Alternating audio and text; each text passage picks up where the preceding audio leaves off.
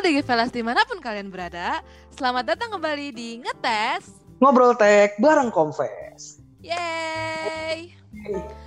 Balik lagi sama gue Ayuka dan Gue Faras. nah, Episode kali ini kita ngapain ya?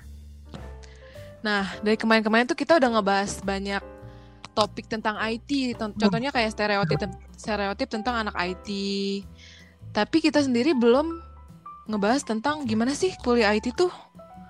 Anak Nah, IT tuh kuliahnya ngapain aja sih? Belajar apa aja sih? Betul, Nah. pasti kalian semua penasaran kan? Nah, di sini kita bakal mengupas tuntas rasa penasaran kalian tentang gimana anak IT kalau misalnya kuliah ngapain aja, belajar apa aja gitu. Betul, so dengerin terus pembahasan kita beberapa menit ke depan. Nah, stay tune. Hmm, jadi kita berdua ini mahasiswa di Fasilkom UI, Fakultas Ilmu Komputer Universitas Indonesia. Nah, jadi kita di sini ngejelasin tentang kuliah IT-nya berdasarkan pengalaman kita belajar di Fasilkom UI ya, guys. Benar. Oh ya, jadi sebenarnya gua sama Yuka itu beda jurusan guys. Hmm. di Fasilkom memang ada dua jurusan. Itu Ilkom, Ilkom itu jurusan gua dan jurusan Ayuka yaitu SI. Yap.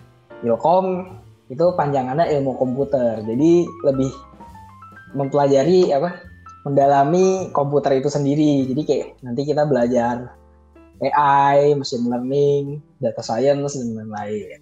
Nah, kalau misalnya SI atau sistem informasi itu istilahnya kita sebagai jembatan antara uh, anak ilkom sama anak bisnis. Jadi kita tetap kuliah tentang I- kuliah IT, kita tetap belajar tentang uh, ngoding, programming, tapi kita tetap belajar kita belajar juga tentang bisnis dan manajemen kayak gitu, guys. Nah, pasti udah pada gatel nih. Apa sih sebenarnya yang dipelajari sama anak IT?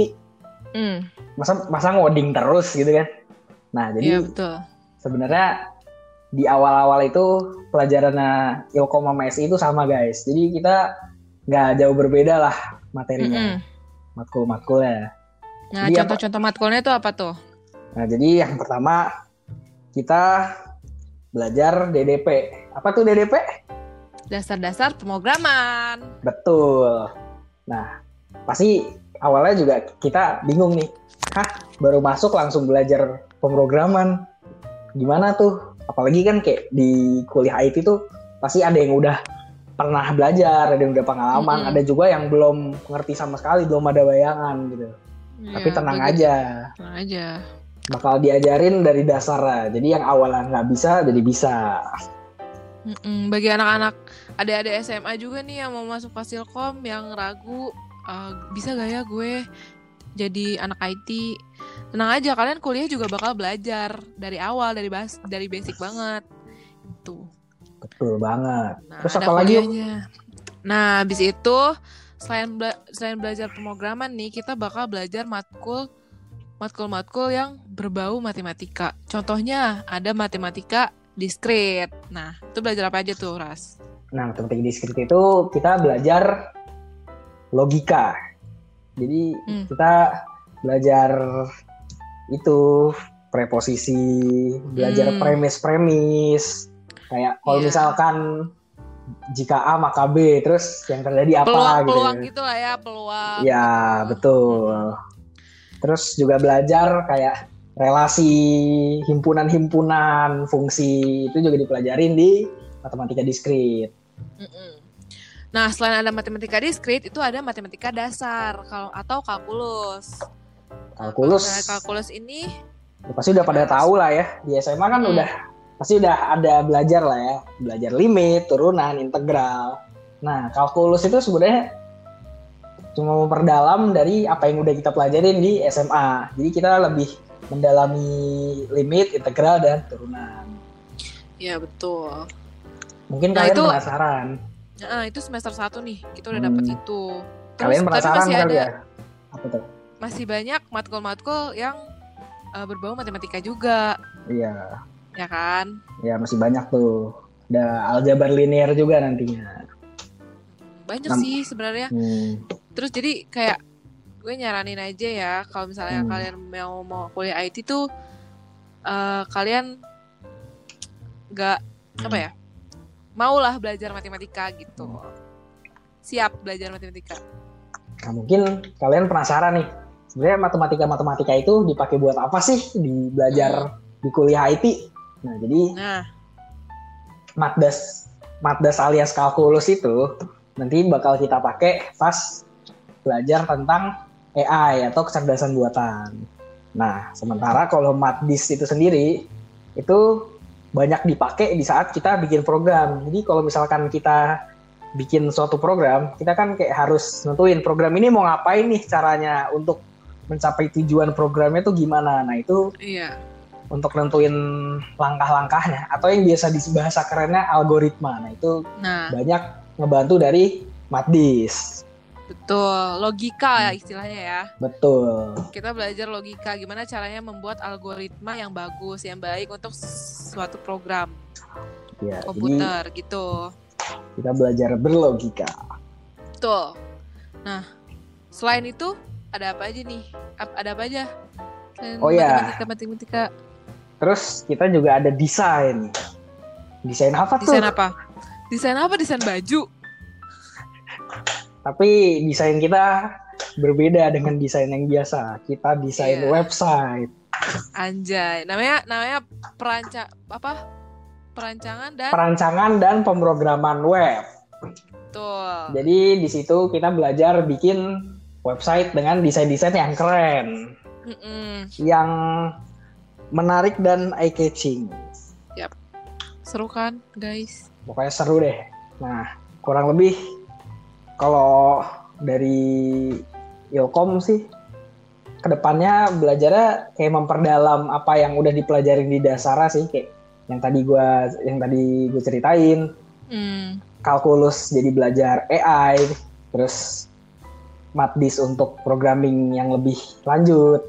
Nah, kalau matkul SI itu apa aja yuk? Coba jelasin. Nah, kalau matkul SI itu sebenarnya kalau misalnya kuliah SI itu eh, matkul-matkul programming, matkul- matkul-matkul IT itu kalau misalnya di Ilkom dipelajari lebih dalam, kalau misalnya di SI itu kita Hmm, nanti belajar bagaimana caranya eh, apa pelaj- pelajaran-pelajaran IT itu di- diimplementasikan di Hmm. eh, pelajaran eh matkul kayak matkul manajemen dan bisnis perusahaan jadi kayak kita belajar kalau misalnya awal-awal kita belajar ngoding ngoding pemrograman dan lain-lain nanti semester semester terakhir kita bakal belajar tentang sis- apa tentang perusahaan lah istilahnya sistem-sistem perusahaan manajemen bisnis administrasi bisnis dan sebagainya gitu hmm. Nah, kurang lebih gitu guys. Itu apa yang kita pelajarin di kelas. nah Nah, terus di luar kelasnya ngapain? Ada praktikum. tuh Jelasin, praktikumnya kayak gimana tuh? Kita tuh praktikumnya, jadi praktikum kita tuh unik. Kita kalau mungkin di kimia atau di kedokteran gitu kan praktikum tuh harus nyiapin jas lab, terus Hmm, perlengkapan, terus juga nanti harus nulis laporan praktikum, kan ribet ya. ribet banget. Terus Jadi kalau kita kita ngapain tuh berarti praktikumnya simple, ngapain? Ngoding lagi. ngoding lagi ketemu apa komputer lagi Bener. Dalam waktu beberapa berapa jam? 100 menit 100 menit kita harus membuat program sesuai dengan soal yang diminta. ya itu in- intinya kita dilatih untuk Untuk untuk praktek lah. Jadi kayak apa yang kita pelajarin di kelas kita praktekin di praktikum. mm-mm. Kalau misalnya di Fasikom itu satu minggu sekali Ya, ya menantang itu menantang. Gak sulit Itu- tapi menantang. ya itu sebenarnya eh, harus siapin otak sama siapin mental aja lah ya Tuh, seru sih guys terus seru. Terus pasti ada juga ini yang nanya. Penasaran, kuliah di Fasilkom tuh berat nggak sih? berat gak sih Ras? Ya sebenarnya ada beberapa cara supaya kita bisa enjoy kuliah di Nah, IT. ya berat sih berat ya Berat sih berat, tapi kalau kita adepin dengan cara yang benar, pasti kita juga bisa nikmatinnya. bisa melewati dan Bisa melewati. ya Betul. apa tuh cara-caranya Jadi yang pertama itu kita harus kuat niat dan kuat mental. Karena Betul kayak pasti ada aja kayak saat-saat kita mungkin jatuh, kita dapet nilai jelek. Hmm. Nah. Kita gimana caranya? Kita harus tetap ngejaga semangat belajar kita supaya Jaga semangat. ya supaya nilainya bisa bagus lagi gitu. Itu yang penting sih. Jadi Jangan mudah menyerah ya. mudah menyerah betul, jangan Hmm. mudah demot lah istilahnya. Nah, terus Apalagi? yang satu lagi adalah kita tuh harus pintar-pintar bersosialisasi dan memilih lingkungan. Ya, lingkungan. Kalau misalkan kita belajar nih, kan mungkin ada bagian yang kita nggak ngerti nih. Wah, susah nih, Hmm. gitu kan. Tapi ada temen yang dia pintar bagian yang kita nggak ngerti, tapi di bagian yang kita ngerti dia kurang paham. Kan bisa saling melengkapi tuh. Saling membantu istilahnya ya. Saling Kita harus uh, kita harus memperbanyak teman dan uh, lingkungan juga ya, lingkungan yang baik. Ya, karena susah banget guys. Survive sendirian di IT itu susah. Susah jujur. Jujur susah. Jadi emang harus ada temen yang bisa ngebantu untuk belajar. Mm-mm. Intinya intinya kayak gitu sih guys. Berat-berat tapi Hmm, kita harus pintar-pintar aja untuk mengatasi itu semua biar kita bisa ya intinya semuanya bakal dilewatin. Kita bakal bisa lewatin itu semua. Asal betul. asal bareng-bareng tuh guys. Nah, terus Nah, terus kuliah di IT itu banyak keuntungannya. Coba jelas. banget. Kalau misalnya kalau misalnya di kuliahnya nih, keuntungannya menurut gue kalau misalnya kuliah IT itu bisa belajar sendiri gak sih? Banyak Benar. banyak. banyak sumber di internet di mana pun gak cuma dari buku sumber atau dari referensi dosen doang tapi bisa belajar sendiri di internet. Banyak kayak online course buat ngoding dan lain sebagainya. Jadi apa ya istilahnya? Di internet tuh udah luas lah. Kita bisa explore banyak gitu. Betul, bisa betul. belajar sendiri. Nah, terus yang paling memotivasi banget nih, memotivasi anak-anak IT untuk kuliah termasuk gue itu Apa tuh? itu jeng jeng yaitu banyak peluang kerja nih apalagi di zaman sekarang Yoi, era sekarang tuh IT tuh prospek kerjanya lagi hot-hotnya lah. hot banget revolusi industri Hmm. 4.0 4.0. mantap Internet of Things. ya kan teknologi makin ke sini Iya. makin berkembang makin banyak orang-orang IT yang dibutuhkan juga Betul banget. Kita bisa kita bisa bekerja di mana aja nih guys. Ya, lapangan kerja kan, Mas? terbuka luas untuk anak Terbuka luas di bidang apa pun. Eh, maksudnya bidang IT tapi di mana pun, tapi di bidang IT. Betul. Karena sekarang eh, bidang apa pun udah banyak butuh IT di Iya, dalamnya. Organisasi di bidang apa pun pasti butuh IT untuk memudahkan kinerja organisasi tersebut. ya, nggak ada sektor yang nggak butuh IT. Hmm, betul. Nah, terus kan sekarang udah marak ya kayak bootcamp bootcamp belajar coding siap kerja gitu. Nah, Nah, itu kan Apa tuh? banyak tuh kayak kayak yang ih gak usah kuliah ah ikut bootcamp aja gitu kan udah bisa ngoding udah bisa langsung kerja di bidang IT gitu. iya tuh banyak tuh kira-kira- yang kayak gitu. Kira-kira kenapa sih kita harus kuliah untuk mendapatkan gelar Eskom? Kira-kira apa tuh Ras? Jadi kalau kita kuliah IT itu tuh kita nggak sekedar untuk bekerja, tapi kita juga bisa lebih mendalami bidang IT itu sendiri. Betul.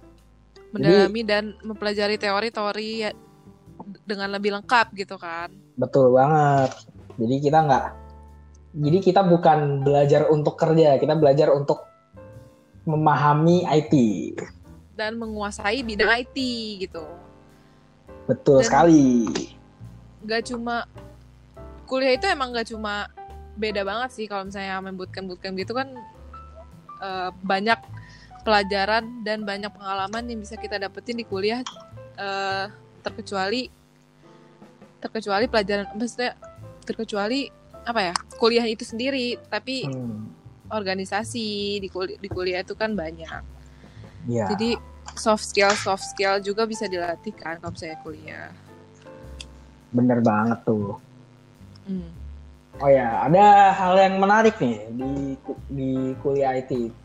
Kalau di kita sih di sebagai mahasiswa Fasikom UI, kita itu nggak diwajibin skripsi guys. Iya betul. Mungkin kalian banyak yang mikir, ntar kalau gua kuliah, ntar skripsian gimana gitu kan. Nah, kalau di Fasilkom UI kalian nggak harus skripsi. Kalian bisa ngambil mata kuliah dengan bobot SKS yang sama dengan skripsi itu. Iya benar banget. Tapi eh, nggak tahu ya di di univ Ya. lain. Tapi kalau misalnya di Fasilkom UI kita nggak wajib skripsi guys. Nah, mungkin dari penjelasan-penjelasan kita tadi, mungkin di universitas lain sedikit berbeda. Tapi sebagian besar pasti sama kok guys yang dipelajarin. Sama-sama. Nah ada lagi nih yang menarik nih. Apa tuh yuk? Apa apa tuh Ras? nah kita kan tadi udah ngebahas nih tentang eh, anak kuliah IT gimana belajarnya apa aja. Nah tapi nih buat kalian-kalian nih yang dengerin podcast ini yang penasaran tentang IT, pengen belajar tentang hal-hal yang berbau IT, kalian bisa daftar di di mana Ras? Daftar Akademi Confess di confess.id. Yeay, kalian bisa langsung daftar di Akademi Confess. Nah, Akademi Confess tuh apa aja apaan sih, Ras? Jadi di Akademi Confess itu kita bisa belajar hal-hal yang berhubungan dengan IT. Hmm. Semacam kelas gitu. Jadi ada Ada apa aja tuh? ada empat yaitu Hmm. data science, software engineering, UI UX dan startup. Nah, kita kalau di software engineering kita bakal belajar bikin software. Terus Ya, kalau data science, data science data. kita belajar ngolah data dan menjadi data scientist. Masih Tuh. Di UI UX kita belajar ngedesain, desain UI UX tuh user interface sama user experience. experience. Jadi kita belajar ngedesain aplikasi, ngedesain website, Hmm. bikin desain yang keren-keren dan pokoknya enak dilihat gitu. Ya, betul. Kalau di startup kita belajar bikin startup. Ya itu eh, yang berhubungan sama bisnis juga sih ya. Betul, betul. Hmm. Kita bikin perusahaan berbasis teknologi. Ya, betul. Nah, buat kalian yang tertarik, langsung aja daftar Akademi Confess di confess.id. Nah, cara daftarnya kalian bisa langsung eh, kunjungin Instagram kita di @confess. Di situ udah ada cara daftar kalian di buat daftar Akademi Confess. Betul banget. Jadi, sekian dari kita untuk episode kali ini. Eh, sampai jumpa di podcast selanjutnya. Gue Faras. Gue Ayuka undur diri. Stay safe, Ah, stay safe stay healthy, dan and stay in touch. touch. Bye-bye. Yeay.